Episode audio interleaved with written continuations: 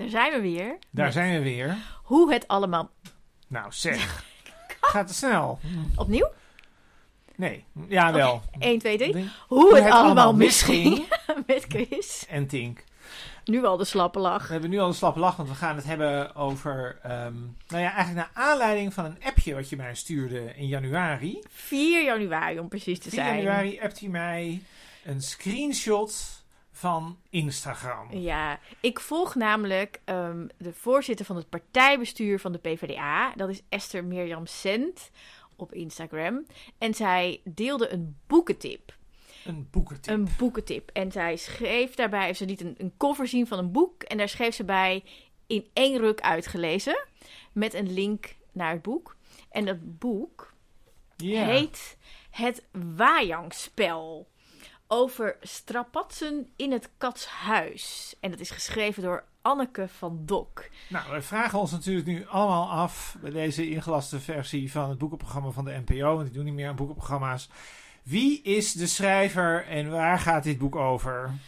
Nou, Waarom zouden wij het hierover moeten hebben? ja. Nou, ik ben altijd zeer geïnteresseerd in alles dat wordt gedeeld door Esther Mirjam Sent. Dus ik klikte op de link naar het boek. En ehm, ik zal eventjes de achterflaptekst voorlezen. Dat lijkt me een waar ik op idee. aanging. Waar Ja. gaat dit over? Oké, komt-ie. In de roman Het Wajangspel beschrijft Anneke van Dok het spannende samenspel tussen een ambitieuze politicus en zijn spindokter. Daaraan lijkt een einde te komen wanneer Thijs van Wijk zijn minister-president Jacob Poppen bezoekt om een geheim te onthullen. Wie had de regie over Jacobs politieke carrière? Wie is de dalang die de Wajangpop bespeelt? Was hij dat zelf, zijn spindokter of toch iemand anders? De schrijfster illustreert dit dilemma met herkenbare voorvallen, die soms humoristisch zijn en soms ontluisterend. Dat is de achterflap. Dit is de achterflap. Het is een boek uitgegeven bij uitgeverij Boekscout. Het is pas uitgekomen. Ja. En Esther ik- Mirjam dat is dus de, even heel plat, eh, de partijvoorzitter van de PvdA, is hier enthousiast over. En las dit in één ruk uit volgens haar eigen Dan is Instagram-update. natuurlijk de eerste vraag, want we hebben hem allebei gelezen. Tink wel, heb jij dit boek in één ruk uitgelezen? Het was nogal een zwaar bevalling. Daarom heeft dit dus een paar weken geduurd, zeg maar, sinds... Ja, wij hebben ons Ja. al weken veroor... Wij zijn eigenlijk al weken in, in, in extase over het feit dat wij het over dit boek gaan hebben. Ja. En we hebben dit volgens mij een keer zelfs een week uitgesteld, omdat we er niet doorheen kwamen. Ik krijg Ehm, alweer de slappe lach. Ja. Ja. je krijgt meteen een slap lach van. Zal ik even een stukje voorlezen Misschien is over... het leuk om van een de- stukje... Ja, Nou, van de website van Boekscout, de uitgever. Om even een soort van erin te komen. ik heb de luisteraars een beetje een idee van wat voor soort boek dit is. Ja, nou, van welke uitgeverij dit komt. Dit is gewoon van de pagina van de site dus. Ehm, welkom bij de uitgeverij van Boekscout. We beoordelen je manuscript voordat we besluiten of we het als boek willen of kunnen uitgeven. Is ons oordeel positief, en dan tussen haakjes, en die kans is groot, dan incasseer je daarmee dus ook de erkenning die jij als schrijver van je boek verdient. Dus eigenlijk is Boekscout is een soort... ehm, nou, een uitgeverij voor mensen die het moeilijk vinden om bij een reguliere uitgeverij een boek uit te geven. Zouden we het zo Ja, kunnen zeggen? ja die, die, die niet door de ballen thuis Ja, dus komen. Ja. Anneke van Dok. We gaan het zo direct hebben over wie Anneke van Dok is. Die komt er eigenlijk bij een gewone uitgeverij niet in. Ehm, of heeft dat niet geprobeerd? We weten dat eigenlijk niet precies. Want we hebben allebei Anneke van Dok denk ik niet gesproken. Ik in ieder geval niet. Nee, het is niet. En ik heb ook niemand kunnen vinden, zelfs niet, zeg maar, wel de oude garde politiek verslaggevers die, die haar kennen. die haar kennen. Dus er is ook, ze is ook een beetje een, een, een beetje, hoe zeg je dat? Een, een, een anonieme figuur, zou je kunnen zeggen, nu. Mm, ja. En in het verleden wat minder, maar nu is ze een wat anonieme figuur. En, en zij heeft dit dus opgestuurd. Ze had een grote kans om geaccepteerd te worden. En dit boek, Ja. door Esther Mirjam Sent in heel korte tijd uitgelezen, ehm, eh, is door de selectie gekomen. ja, en ik, ik zal ook een stukje voorlezen van een interview dat zij heeft gegeven over dit boek. Dat lijkt me heel interessant. Ik zou dit boek nooit geschreven kunnen hebben als ik het niet zelf had meegemaakt, zegt Anneke van Dok. Ze noemt enkele voorbeelden. Het verlies van vertrouwen, spanningen in het gezin, dat zijn dingen die ik zelf ook heb ervaren. Maar je kiest voor dit werk en je kunt er niet meer vanaf.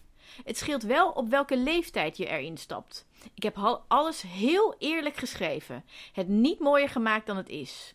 Hoewel het soms lijkt of de inhoud van het boek gebaseerd is op recente gebeurtenissen in de landelijke politiek, blijkt dit niet het geval te zijn. Ik had het verhaal al een tijdje geleden geschreven. Ik wilde toen niet meteen uitgeven. Het is beter om het een tijdje te laten liggen. Ehm, misschien zijn we dan nu aangekomen bij de vraag die de luisteraar ongetwijfeld eh, nu wel heeft. Wie is Anneke van Dok? Nou, jij hebt je daarin verdiept. Nou ja, we moeten misschien even eerst Esther Mirjam Cent eh, citeren. Want op Instagram zei Esther Mirjam Cent over Anneke... dat is een eh, P van de A-politica. Ehm, nou, ik moet zeggen, ehm, wat wel heel grappig is... want jij, kent veel meer mensen dan ik. Dus jij hebt zelfs nog wat mensen geappt hierover... van kun je iets vertellen over Anneke van Dok? Ehm, En, En dat- niemand kon dat? dat leverde erg weinig op. En ehm, het- dit is ook een beetje een generatieding. Want als je, nou, ik denk een beetje onze leeftijd bent, dus eh, 40 plus zeg maar, en ouder, dan zou je Anneke van Dok kunnen kennen. Maar ik denk mensen die jonger zijn, die eh, hebben Anneke nooit in de landelijke politiek echt actief meegekregen. Misschien als je 30 bent en je was heel jong, heel politiek bewust, misschien wel. Maar was nee, ze was moeilijk. echt eind jaren negentig politiek actief. Ja, dus zij was is, ja. in. ehm, Anneke van Dok is, eh, eh, is begonnen. Misschien moet even leuk om het, om het hele levensverhaal eh, te doen. Oké. Eh, Anneke van Dok is journaliste, journaliste geweest voor allerlei kranten, Noord-Hollands Dagblad onder andere. Ehm, en zij werd op een dag gemeenteraadslid in Zwaag. Ik moet zeggen, Zwaag ligt ergens in Noord-Holland. En daarna is zij wethouder geworden. Nou, en zo wat. Het is wel een beetje zo'n verhaal van de, de tijd van de Partij van de Arbeid van, van decennia geleden. Dan kon je natuurlijk heel makkelijk, of heel makkelijk, dan kon je doorgroeien. Dus Anneke werd steeds een beetje belangrijker. Dus Anneke is daarna wethouder geworden en in 1984 werd zij burgemeester van Diemen. Voor de mensen die niet zo Amsterdam zijn, dat ligt tegen Amsterdam. Dat is een kleine gemeente die tegen Amsterdam Hoe oud was jij toen, Kees? aan ligt. Toen was ik zeven. Ja, ik was vijf. Wij 19 weten het niet meer, hè? In Nee. 1990 is zij gepromoveerd. Toen werd zij eh, burgemeester van Velsen. Nou, woont toevallig mijn halve familie in Velsen. Dus, die, dus dat is dan weer een plek die ik wel ken. En toen gebeurde er... eh, toen eigenlijk in 1994 is het verhaal echt begonnen met Anneke. Ehm, in de eerste plaats, zij heeft in die, vlak daarvoor heeft zij nog gesolliciteerd als burgemeester van Amsterdam. Ehm, dat weet bijna niemand. ze was heel ambitieus, ja. Ze was een hele ambitieuze vrouw. Ehm, dus we hebben nu eindelijk een, een vrouwelijke burgemeester in Amsterdam, maar eigenlijk in 94 ergens. Probeerde Ehm, Anneke van Dok het al. Toen probeerde Anneke van Dok het al en Anneke van Dok werd tweede. En voor de mensen die niet goed in de geschiedenis zaten of zitten, eh, toen werd Schelto Partijn, inmiddels overleden, eh, werd toen burgemeester hier. En maar toen in 1994, toen gebeurde het echt, want dit hebben de meeste mensen gemist van, dat, van die sollicitatie. Toen werd Anneke op een dag gebeld. Er waren vrouwen nodig. Er waren vrouwen nodig. Het is heel ehm, interessant, want wat je daaraan ziet is dat heel veel dingen eigenlijk hetzelfde zijn gebleven door de tijd heen. Hè? We hebben nu natuurlijk nog steeds discussie over, zijn er wel genoeg vrouwen in de politiek? Nou, dat was in 1994 ook al. En dan praten wij dus over kabinet Kok 1, of wat door de meeste mensen gewoon Paars 1 wordt genoemd. De P van de A zat te springen om vrouwen. En eigenlijk was dat hele kabinet, was natuurlijk een beetje nieuw. Hè? Er zat voor het eerst het CDA niet in. Het moest wat progressiever, wat moderner zijn. Dus was het idee dat daar veel vrouwen in moesten. Nou, dat, daar zijn toen drie vrouwen ingekomen. Dat is nog wel leuk, want twee daarvan kent niemand. En eentje kent iedereen denk ik wel. En die waren eigenlijk alle drie geen succes. Nou, de bekende is Winnie Zorgdrager. Dat was geen succes op justitie, maar die is wel eh, bekend geweest of geworden en ook nog wel vaak nog teruggekomen. En dan had je ook nog twee staatssecretarissen. En je had, ehm, vind ik gewoon leuk om even te vertellen dat die naam zo grappig is. Je had ook Tony van de Vondenvoort, had je. en eh, Tony van de Vondenvoort moest iets doen met de stadsprovincie. Nou, dat is echt heel lang geleden. Dat is allemaal mislukt. En je had ook, daar komt ze. Anneke van Dok. Ja, als en- staatssecretaris Buitenlandse Handel. Ja, en dat, dat is tegenwoordig, dat is, tegenwoordig is dat bij een ander ministerie. Dus het is allemaal een beetje veranderd. Tegenwoordig doet Liesje Schrijnemacher eh dat. Ehm nou, dat zat toen bij economische zaken. Dus hij was staatssecretaris van economische zaken. Nou, dat is eigenlijk niet echt een hele prominente rol. En wat nou het leuke is van dit verhaal. Jij even gaat voor het Dit is allemaal eh, gebaseerd op krantenartikelen uit 1994 tot 1998. Dus het is niet, want ik moest het zelf ook allemaal opzoeken. Ehm, eigenlijk was zij derde keus. Ehm, eh, aanvankelijk zou eh, de PvdA was op zoek naar een vrouw. Nou, eerst maar, maar eh, Anne, Annemieke Robeek gevraagd, hoogleraar. toen zei Annemieke, nou, ik heb er geen zin in. Toen Marianne Sint gevraagd, een oud PvdA-voorzitter, een soort voorganger van Esther Mirjam Sint. En nou ja, Marianne Sint was op vakantie. En toen dachten ze, nou weet je, we hebben nog een burgemeester zitten in Velzen. Je hebt echt je huiswerk goed gedaan. Echt mijn huiswerk Ja. goed gedaan. En eh, Anneke zei meteen ja. Ja. En toen- Ondanks dat zij geen Engels sprak. Nou, ehm, dat was een heel interessant. eh, dat ging eigenlijk. Het, het, het is eigenlijk een beetje sneu, is het verhaal. Het, het ging eigenlijk meteen mis met Anneke van Dok. Want ehm, het werd bekend dat zij nauwelijks Engels sprak. Daar heb ik ook een leuk citaat over. Dat na, na drie jaar, toen Anneke van Dok drie jaar staatssecretaris was, schreef het parool over haar citaat. Staatssecretaris Anneke van Dok beheerst de Engelse taal inmiddels voldoende om zich in het buitenland verstaanbaar te kunnen maken tussen zakenleden en politici. Ehm, ehm, einde, einde citaat. Ehm, nou ja, goed, Anneke is daar gaan zitten. Dat, is eigenlijk, dat was natuurlijk niet goed voor haar statuur. Hè? Want, zij, want die staatssecretaris van Buitenlandse Handel, die deed eigenlijk allemaal handelsdelegaties. Nou, het CDA was daar heel, was daar heel boos over. Vonden dat ze dat helemaal niet goed deed. Ze kon zich niet verstaanbaar maken. Ondernemers waren geïrriteerd. En ze had natuurlijk ook, dat is natuurlijk wel een beetje, moet wel eerlijk zijn. Het is natuurlijk ook een rol die moeilijk is. Want het is moeilijk om daarmee heel prominent te worden. Maar zij was eigenlijk onzichtbaar. Ik geloof dat iedereen die, jou, die je erover geappt hebt, dat ook teruggeappt heeft. Van ja, die vrouw was heel... Precies, precies. Ja, niemand weet wie zij is. ehm, Ik, ik zit even, want ik blader in het boek. Omdat ik vind Ja. het zo grappig dat ze dus geen Engels sprak. En er zitten heel veel. Ja, we gaan het zo verder over de inhoud van het boek. Maar er zitten heel veel autobiografische onderdelen dat is het in. punt van het gesprek. Dat Ja. is het punt van het gesprek. En eh, niet alles is door ons te herkennen. En het is ook wel echt door elkaar gegooid. Dus hij heeft allemaal autobiografische dingen en ook ehm, dingen die recent zeg maar, zijn gebeurd in, in Den Haag. Alles op een hoop gegooid en door elkaar gemixt. En enfin, ik ga een stukje voorlezen. Dat gaat over. ehm, eh, het is een, een dialoog tussen een hoofdpersoon en zijn vrouw.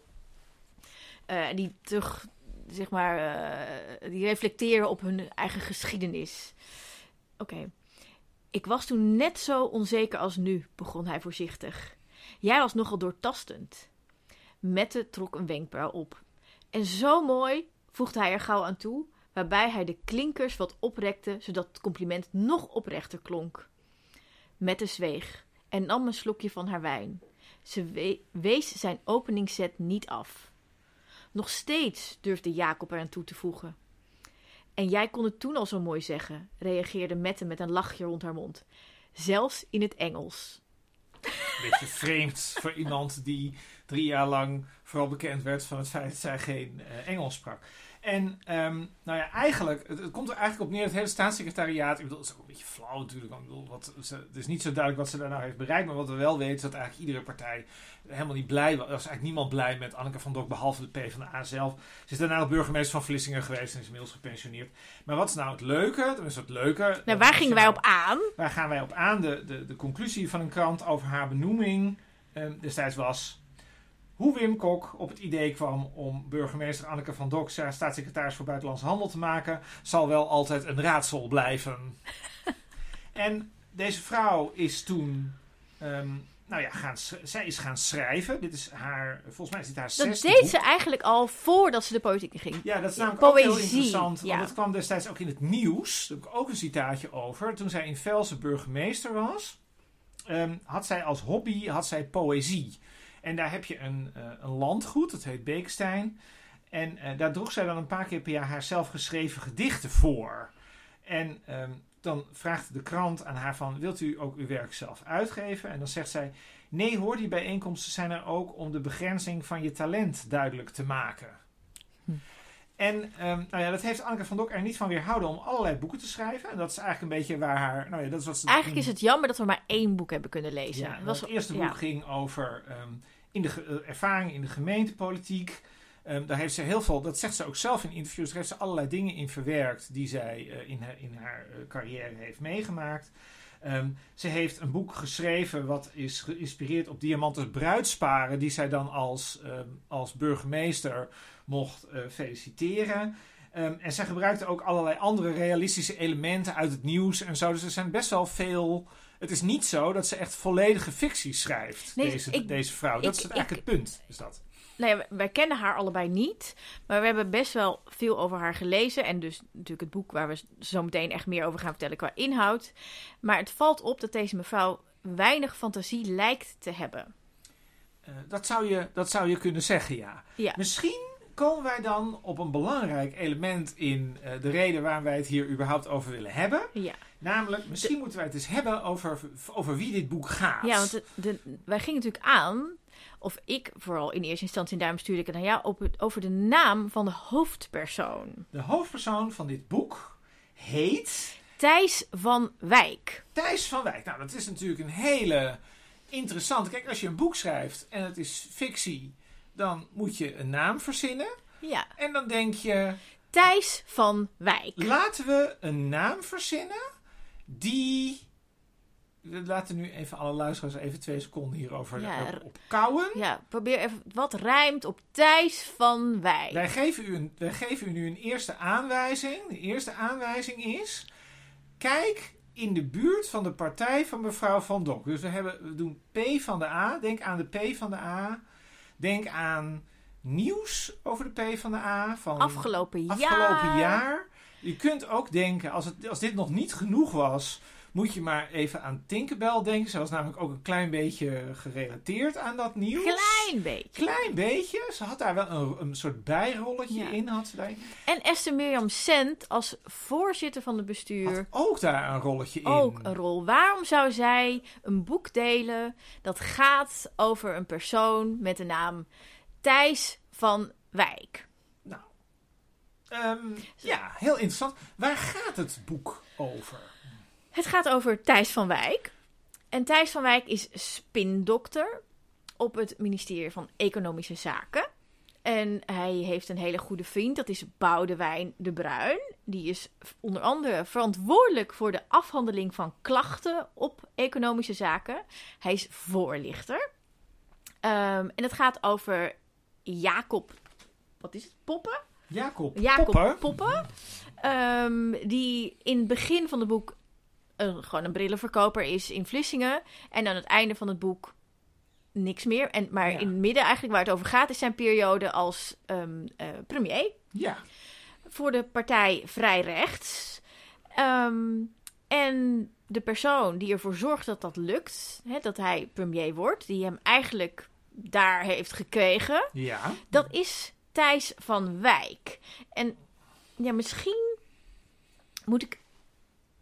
Ja, zal ik een stukje voorlezen? Nou, lees eens een stukje voor wat nou kenmerkend is voor, ehm, nou, voor wie Thijs is. Of wat, er- wat de kern van het boek is. Nou, laat ik eerst even beginnen.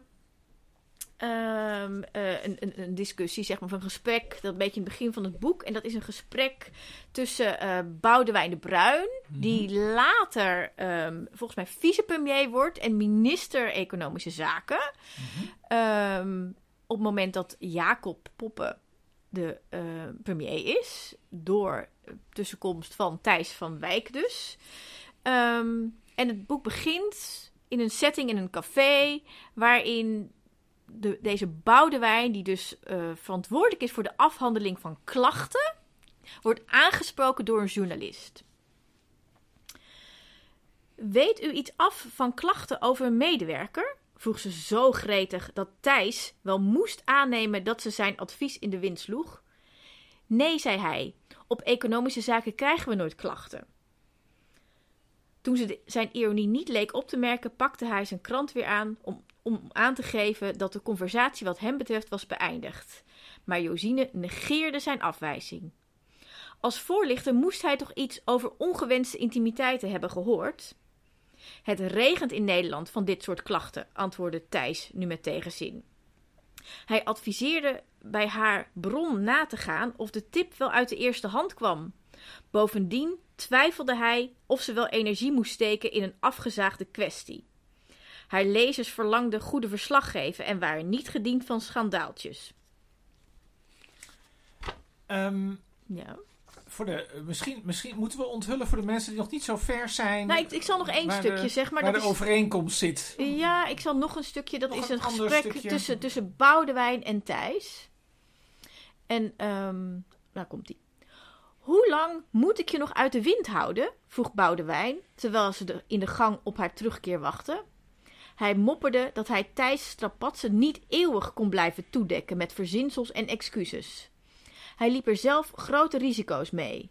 Word toch eens volwassen man en beperk je tot vrouwen van je eigen leeftijd. Ja, over wie, over wie ehm, Lijkt dit te gaan? lijkt dit boek, eh, nogmaals, het Wajangspel te kopen bij Boekscout, ehm, ehm, over wie Bestel lijkt vooral, dit ja. te gaan? Tinkerbell. Nou, Denk jij, heb jij het idee dat er ehm, opvallende over, dat er overeenkomsten zouden kunnen zijn met een reële figuur? Ja, ik ehm, meen dat dit boek voor een deel gaat over iemand. Of nee, ik moet niet zeggen gaat over. Is geïnspireerd op iemand met de naam Gijs van Dijk. Oh, dus eigenlijk is het zo. ehm, is het, het is eigenlijk een beetje. Ik zou bijna zeggen. Je bent niet goed wijs. Want. Ehm, dat zou toch wel heel gek zijn. Dat we een jaar lang. Nou, toch vrij recent ook nog. eh Gijs van Dijk in het nieuws hebben gehad. En dat dan een oud PvdA-politica. over hetzelfde soort thematiek gaat schrijven. en haar hoofdpersoon een naam geeft. die rijmt op die van het gewezen PvdA-kamerlid. Dat zou toch wel... Dat, dat suggereert toch... Dat, dat is toch wel erg achterdochtig van ons. eh. ik zal nog een stukje voorlezen. En dit is Thijs die praat in dit boek. Vrouwen, ik weet het, zei hij, alsof hij Jacobs gedachten had geraden. Neem een vrouw niet te serieus, maar doe wel net alsof. Maak haar geen compliment over haar kleding of kapsel, want hoffelijkheid is tegenwoordig grensoverschrijdend. Prijs haar intelligentie, haar scherpe analyses, ook al is ze zo dom als een ezel. Praat met haar over kunst of literatuur, ook al leest ze alleen doktersromans. Ze zal zich aan je vastzuigen als een teek op een hondenkop en zo wordt ze een vriendin voor het leven. Dan komt de rest vanzelf. Je verbaast me, zei Jacob toen hij over deze vreemde raad had nagedacht. Hij had altijd al aangenomen dat Thijs recht op zijn doel afging en dat hij zijn bijnaam Don Juan waarmaakte. Hoe kwam hij aan die reputatie? Thijs hief quasi wanhopig zijn handen en antwoordde dat jaloerse mannen over hem hadden geroddeld, evenals vrouwen die hij te weinig aandacht had gegeven. Ik ga nog even nu een paar zinnen verder. En dan zegt Thijs: Onthoud slechts één ding, terwijl hij zijn wijsvinger naar hem hief. Ik heb me altijd correct gedragen. Dat moest Jacob maar van hem aannemen. Ook al deden er nog zoveel praatjes over hem de ronde.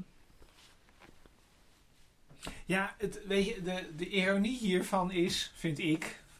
ehm, als je het leest... Ik vind het een, on, ik vind het een onleesbaar boek. Het trouwens, is maar echt heel verschrikkelijk. Het is echt, Maar ja, het- ja, ja. dat- maar daar, gaat het eigenlijk niet, daar gaat het eigenlijk dit keer niet om. Nee. Ehm, dat als je het zo hoort uitspreken, dat je toch denkt... Is deze mevrouw ehm, wel, helemaal, wel helemaal wakker over de context waarin zij dit boek uitbrengt? Dus een boek waarin het gaat over grensoverschrijdend gedrag, verhalen die de ronde doen. Er zitten zelfs overeenkomsten in over, tussen dingen die over Gijs van Dijk zijn gezegd en die in dit boek voorkomen.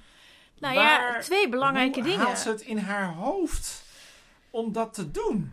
Ja, en hoe, hoe haalt Esther Mirjam het in haar hoofd om dit aan te raden als, als te lezen boek? Dus we gaan even, even heel flauw. Dan doe ik, dan doe ik toch even, dan doe ik even Boekscout. Ik ken Boekscout niet heel goed.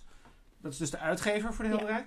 Maar ehm Boekscout is eigenlijk een soort, ja, het is een soort self-publisher. Dat is, dat is wat het is. Dus het is een heel ander soort uitgever dan een, dan een traditionele uitgeverij. Dat is een uitgever waarbij vrij veel wordt uitgegeven. En het wordt gedaan op initiatief van de, ehm, van Schrijver. de schrijver. Dus het is niet zo, zoals bij een gewone uitgever, dat ze denken, nou, hè, is dit nou een mooi moment? En bijvoorbeeld deze week komt er een boek uit over Caroline van der Plas. Nou, dat doen ze omdat er nu bijna verkiezingen aankomen. Dat vinden ze dan commercieel handig. Ja. Maar dat is niet hoe deze uitgever werkt. Deze uitgever Nee. werkt op het aangeven Dit door boek de is auteur. ook eh, voor, de, voor, voor de helderheid op 4 november gepresenteerd in Nieuwspoort. En op 23 november was er een presentatie in IJmuiden. Waar zij ooit, waar Anneke ooit eh, eh, burgemeester was. Ja, Ehm, dan, dus Anneke heeft met willens en wetens dat op dat moment uitgebracht. Terwijl die zaak nog, terwijl die zaak die toch lijkt op. eh, behoorlijk. die behoorlijk lijkt op wat er in het boek gebeurt. Nou, wat ik interessant vind, is dat zij dus in een interview heeft gezegd dat zij dit boek al veel eerder had geschreven en een tijd heeft laten liggen. En dan zijn er een aantal dingen in het boek die wijzen op iets anders. Ja, Ik ga dat even voorlezen. Op pagina 91. Waarom werd zo'n staalfabriek niet verboden, zodat aannemers huizen konden bouwen op het terrein dat vrijkwam? Dit verwijst natuurlijk naar de hele toestand rondom Tata Steel. Dat was afgelopen jaar. Dus daarvoor ook al, maar het afgelopen jaar Dus was het pas echt, echt- nieuws. ja. Precies, ja. Even kijken, ik ga nu naar pagina 99. Oh ja, interessant, interessant omdat Jacob na zijn verkiezing niet vaak in Vlissingen kwam, maar op zijn flatje in Den Haag vertoefde, vond een journalist het interessant onderzoek te doen naar zijn reiskostendeclaratie. De persmuskiet kon, zelfs met behulp van een forensisch account, geen foutje vinden, maar de verdenking bleef toch aan Jacob kleven. Nou, dit hoeft niet per se van afgelopen jaar te zijn, want je hebt natuurlijk de kwestie Dion Graus, die het adres van zijn moeder opgaf en Ja. daardoor volgens mij meer dan een ton extra geld. Hij heeft dat overigens nooit erkend, volgens mij. Ik weet niet wat er is gebeurd. Dan had je Theo Hiddema, die die ook gedoe had met adressen. ja, precies. En die heeft het geld naar de kattenboot eh, gedoneerd. Maar ook Gijs van Dijk, die sjoemelde met zijn adres. ook gedoe over Zeker. waar hij nou precies woonde. Nou, een van de klachten, die ging daarover. Een van de klachten... Jij die... kent de klachten beter dan Ik ik. ken de klachten beter dan eh, de meeste mensen, ja. Ja. Eh, maar dit is volgens mij ook gepubliceerd, zeg maar. Dit is ergens genoemd in interviews. Maar waar het eigenlijk op neerkomt, is er staan verwijzingen in dat boek, waardoor je zou kunnen denken. Dat boek is helemaal niet. Dat boek lag niet al vier jaar op de plank. Nee, ik heb nog meer. Ik heb nog meer. We moeten natuurlijk deze casus hard maken. Ja. Ik heb hier een smiley bij getekend. Waarom ook alweer? Oh ja. Ehm, dat was omdat...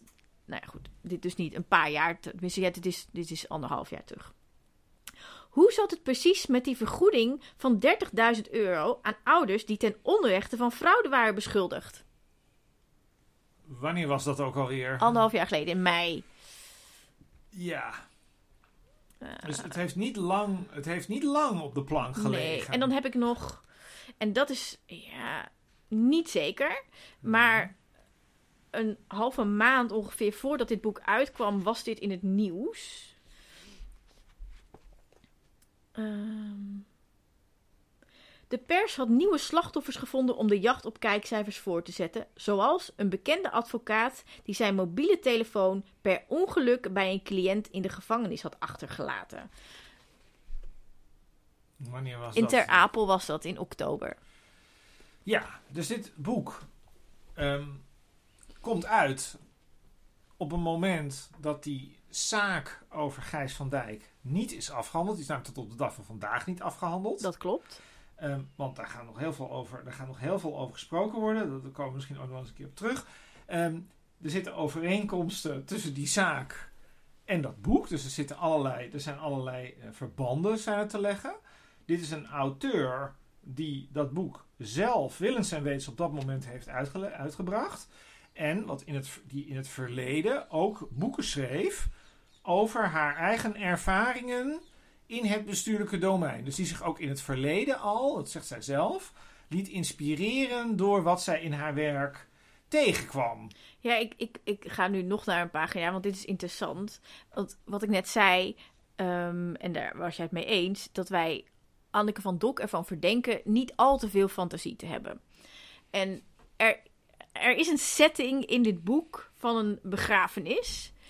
En ehm, daar gebeurt iets op die begrafenis. Er staan namelijk achter in de zaal, zeg maar, waarin de, zeg maar, de dienst plaatsvindt, ineens allemaal vrouwen, allemaal exen, allemaal vriendinnen, in het zwart gekleed. Ehm, ik lees een stukje voor. dit gaat dus over een setting bij, tijdens een begrafenis. Op de achterste bank zaten tien vrouwen, alle in het zwart gehuld. Christina en haar moeder herkende hij meteen, evenals Josine, ondanks de grote stola waar ze zich in had gehuld. De andere vrouwen kwamen hem vaag bekend voor als voormalig vriendinnen van Thijs. En waarom ga ik hierop aan? Ik heb zelf in februari een interview gegeven in een podcast weet even niet meer hoe het heet, een podcast, uh, waarin ik vertel over een situatie waarin Gijs van Dijk zijn moeder begraaft, dus tijdens de afscheidsdienst. En tijdens die afscheidsdienst waren tenminste zes vrouwen aanwezig met wie die allemaal tegelijk een relatie had. Dat die heb jij publiek gemaakt? ja, heb ik publiek gemaakt. En zes vrouwen. En die wisten niet van elkaar dat ze een vaste relatie met Gijs van Dijk hadden. Maar ze aan hen allen was verteld dat ze maar op de achterste bank moesten gaan zitten, zodat hij, als hij ging spreken, ze goed kon zien. Zij wisten er niet van elkaar. Dit lijkt hier nogal op. Met andere woorden. Is Wat? iemand geïnspireerd? Waar, eh, door wie zou Anneke van Dok, de oud-staatssecretaris van Buitenlandse Handel, geïnspireerd zijn? En wat is er in het hoofd van Esther Mirjam Sent gebeurd dat zij dacht: Weet je wat? Ik beveel dit boek aan op Instagram. De, de grote ironie van dit verhaal, de, de allerergste misschien wel aan het hele verhaal is, is dat als Esther Mirjam dat niet gedaan had, wij nooit hadden geweten dat dit boek had bestaan. En hadden wij nooit zoveel plezier gehad de afgelopen weken. Ja. ontzettende lol Ja. gehad over dit boek. Eh, wat, is het ant- wat denk jij dat het antwoord daarop is eigenlijk? Nou, wat ik vermoed. ehm, en we kunnen dat niet vragen, want we, we weten niet waar we Anneke van Dok te pakken krijgen. Dat, eh, en Esther Mirjam Sent, die. eh, Ja. De tijd met Esther Mirjam was wel eens beter dan nu. ja, dat loopt nu via een advocaat. Dus dat is ingewikkeld. Ehm, dus we kunnen dat niet navragen. Maar het vermoeden, dat, mijn vermoeden, is dat Anneke van Dok dit boek naar Esther Mirjam Sent heeft opgestuurd of haar heeft gegeven. En haar heeft gevraagd: wil je dit lezen? Waarschijnlijk met een reden. Ik denk dat Anneke van Dok heeft gedacht: Oh, dit gaat over het afgelopen jaar. Jij was heel erg betrokken. Dus Esther Mirjam, je moet dit echt lezen. Misschien heb je er iets aan of iets dergelijks. Ja. Eh, en dat Esther Mirjam dacht: Ja, toch oud staatssecretaris. Weet je wat? Ik deel dit gewoon. Ik zeg dat ik in één uur heb uitgelezen. Maar zij heeft natuurlijk dat helemaal niet Esther gedaan. Mirjam Sent is natuurlijk gewoon een hele drukke vrouw. Die heeft al wat beters te doen dan boeken. Eh, die alle boeken die haar allemaal worden aangeboden te lezen. Zeker als ze van staatssecretaris van 30 jaar geleden komen. Precies, precies. Nou ja, goed, ze zal heus wel eens een boek lezen, maar niet dit boek. Daar geloof ik geen zak van. Nou, Sowieso We zou ze... sowieso niet dat ze het in één ruk heeft uitgelezen. Esther Nee. Mirjam, als je luistert, we geloven je niet. Nee, nee, je liegt. Je, li- ik bedoel, de- wat, er ook, wat er ook is gebeurd, je hebt het in ieder geval niet in één ruk uitgelezen. Dat is Nee. niet waar. Nee, Punt. precies. Heb jij er nog andere ideeën over? Ik denk dat ze het niet gelezen heeft en dat het ook een manier is. Ik denk, eh, ik denk ook zoiets. Ik denk van het is een manier om van eh, dingen af te zijn. Dus je krijgt af en toe krijg je, ik krijg ook wel eens boeken. Het, zijn, het is bijna altijd. Het is, het is, het is vaak. Is het niet wat je wil ontvangen? Dat is heel vaak. Dat klopt. En dan denk je, wat moet ik nou? En dit is een hele aardige manier om ehm, iets te suggereren, zeg maar. Maar het heeft dus in dit geval een, een soort bijeffect. Ik denk dus ook dat, ik denk namelijk dat dat eigenlijk het punt is. Eh, ik denk dat Esther Mirjam zich helemaal niet bewust is van wat er in dat boek staat. En als ze dat wel zou zijn, dan zou ze een mailtje hebben gestuurd naar Anneke. Wat een leuk boek heb je geschreven, dankjewel. Tot zover, denk ik. Dan gaan we nu toch maar iets aardigs zeggen Ja, we gaan over iets mensen. aardigs eh, ja. zeggen. Ik wil graag iets aardigs zeggen over Sonja Bakker. What the Ehm, fuck, why? ik had bedacht dat het leuk is om voortaan in de sfeer van het onderwerp te blijven. Ik dacht, er zitten ook positieve eh, kanten aan dit verhaal. Ja, er zit zeker een positieve kant aan dit verhaal. Kijk, er is, daar hebben we ook, ook net over gehad. hè. Er is een self-publisher, dus mensen die iets schrijven en die dan ja, eigenlijk niet uitgegeven kunnen worden. Er is een soort negatieve sfeer omheen om dit soort boeken. En dat is eigenlijk onterecht, want het leuke van dit soort uitgevers is nou juist dat er af en toe mensen tussen zitten die iets schrijven en die ontzettend succesvol daarmee worden. Dat dus helemaal op eigen kracht doen, zonder de marketingmachine van een grote uitgever, et cetera. En wie is daar in Nederland de, het beste voorbeeld van waar alle auteurs, alle amateur-auteurs in Nederland een hoop uit kunnen putten? Dat is Sonja Bakker, want die heeft meerdere keren op een, gewoon met een eigen, met gewoon helemaal op eigen naam zelf boeken gepubliceerd en is daar, nou ja, ik weet niet hoeveel, miljonair is er geloof ik wel mee geworden. Dus um, Hoop doet leven. Ongetwijfeld ook een inspiratiebron geweest voor uh, Anneke van Dok toen ze dit boek schreef. Nou, ik vind het uh, uiterst uh, verrassend iemand om iets heel aardigs over te zeggen. En ik denk ook wel gemeend en, en terecht. En ja. ook hele goede kookboeken volgens mij. Dus, ik heb geen idee. Is het niet, maar het is toch dieetdingen? Ja, maar dat hebben ook heel veel mensen behoefte aan. Dus dat is heel goed. Oké. Okay. Geen, geen okay. kwaad woord over deze boeken. We gaan aardige dingen. We gaan haar een button sturen. Oké. Okay. En waar wil jij, over wie wil jij iets aardigs ja, zeggen? ik blijf ook een beetje in het thema. Um, ik wil graag iets aardigs zeggen over Cornelia Klaster. Um, misschien hebben wij allemaal uh, enige. Even, gewoon even onze herinnering ophalen. Wie is Cornelia Klaster ook alweer? Ik weet het, maar ja. de, de, luisteraars vaak niet. Cornelia Klaster is. Um, voor zover ik weet, de eerste vrouw die een klacht heeft ingediend en ook aangifte heeft gedaan tegen Gijs van Dijk, hè, waar de, wat ruimt op Thijs uh, van Wijk. Ja. Um, inmiddels uh, drie jaar geleden, denk ik. Drieënhalf jaar geleden ongeveer. Ja, die zaak, en, die zaak loopt al heel lang. Loopt al heel ja. lang. Precies, zij heeft uh, een klacht ingediend en ook aangifte gedaan van aanranding. En, nou, lang verhaal, super kort. Um, haar klacht is ongegrond verklaard. Um, dat is volgens mij onterecht. Haar getuigen zijn niet gehoord en nou, toestanden. Um, zij is vervolgens, en dat is dus echt al drie jaar aan de hand. En het afgelopen jaar is dat echt geëscaleerd. Door het slijk gehaald op de meest lelijke manier denkbaar. Er zijn natuurlijk allemaal mannen. Veel mannelijke journalisten uit het Haagse geweest. Die hebben dingen geschreven. Allemaal binnen de context. Zij is zo lelijk. Zij kan helemaal niet aangerand worden. Zij verzint dit. Ze is gek. En dat is zo gruwelijk. Um, en het is extra gruwelijk omdat ik haar geloof. En, uh, Waarom geloof jij haar? Nou, um, ja, we, gingen, we hebben het van tevoren over gehad. We gingen niet al te veel inhoudelijk over Gijs van Dijk. Maar de, een van de voornaamste uh, redenen dat ik zelf een klacht heb ingediend uh, tegen Gijs van Dijk, is dat ik erachter was gekomen dat hij loog over wat er met haar was gebeurd. Over en, Cornelia, wat hij zei over Cornelia ja, dat, klopt dat, niet. Dat betekent niet per definitie dat wat zij zegt waar is. Um, maar hij loog in ieder geval. Daar, daar ben ik, uh, dat weet ik. Voor a fact. Um, inmiddels um, heb ik haar gesproken. En ook mensen die in de buurt waren, die, uh, nou ja, uh, gesproken. Ik geloof haar. En jij hebt haar ook gesproken. Ik heb haar wel eens gesproken, maar dat is eigenlijk niet de reden om het te geloven. Wat ik interessant vond, was dat zij, dat weet ik trouwens op, via een andere weg, er is een journalist geweest en die heeft het uitgezocht. Ja. En, um, maar dan kom je dus in een heel raar domein uit. Namelijk, da daar is nooit iets mee gedaan. Dat, dat heeft ook misschien wel.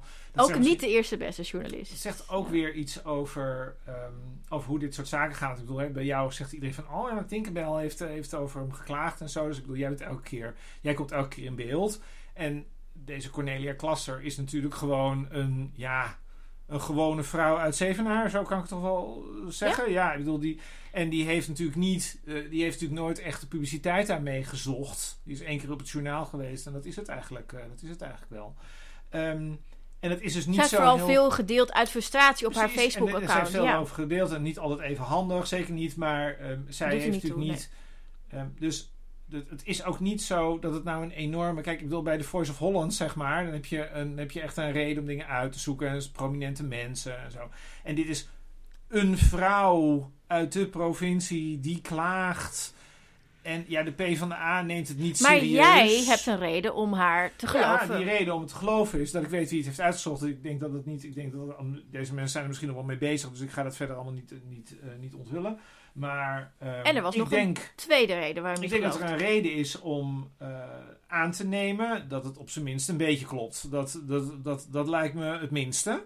Kijk, ik, ik ben, ik, kijk, je bent er niet bij, hè? Dat is natuurlijk dat weet je als geen ja. ander. Je vertelt een verhaal en dan is het maar de vraag of mensen, of mensen dat willen, willen aannemen van je. En ik denk, um, wat je eigenlijk altijd moet doen, is je moet eigenlijk degene die zelf het verhaal vertelt over zichzelf, die moet je uitzetten. Dus je moet eigenlijk bij die zaak wat jij allemaal over Gijs zegt, dan moet je eigenlijk jou uitzetten. Ja. Dan moet je eigenlijk zeggen van nou, die Tinkerbell, daar luisteren we niet naar. En bij Cornelia Klaster gaan we ook niet luisteren naar Cornelia Klaster. Dan moet je eigenlijk kijken uh, wat anderen daarover zeggen, die daar misschien wel iets over weten. Nou, en dan hoor je van mensen uit de top van de P van de A dingen dat je denkt: ik was er niet bij, ik weet het niet, maar ik zou niet zo zeker zijn dat er niks is, want ik denk dat er wel wat, denk er is wel wat. Precies. En dat gaat ook nog wel. Um, dat, een staart dat gaat, krijgen. Dat krijgt ook, nou ja, dat, dat weten wij allebei. Daar, zijn allerlei, daar is allerlei gedoe over. Dus daar is absoluut het laatste woord niet over gezegd. Dus mensen die denken dat dat um, voorbij is, uh, dat is wel erg naïef. En daarom is, dat boek ook, daarom is dat boek ook zo stom, zeg maar, om hem rond te maken. Dan denk ik van ja, dat boek rakelt eigenlijk weer iets op alsof het uh, allemaal uit het verleden is. En alsof het allemaal wel voorbij is. Maar dat is niet zo. Want er zijn allerlei mensen nog steeds mee bezig. En dat had de P van de A natuurlijk eigenlijk ook wel kunnen weten. Dat dat, dat, dat niet stopt. Tot zover. Tot zover.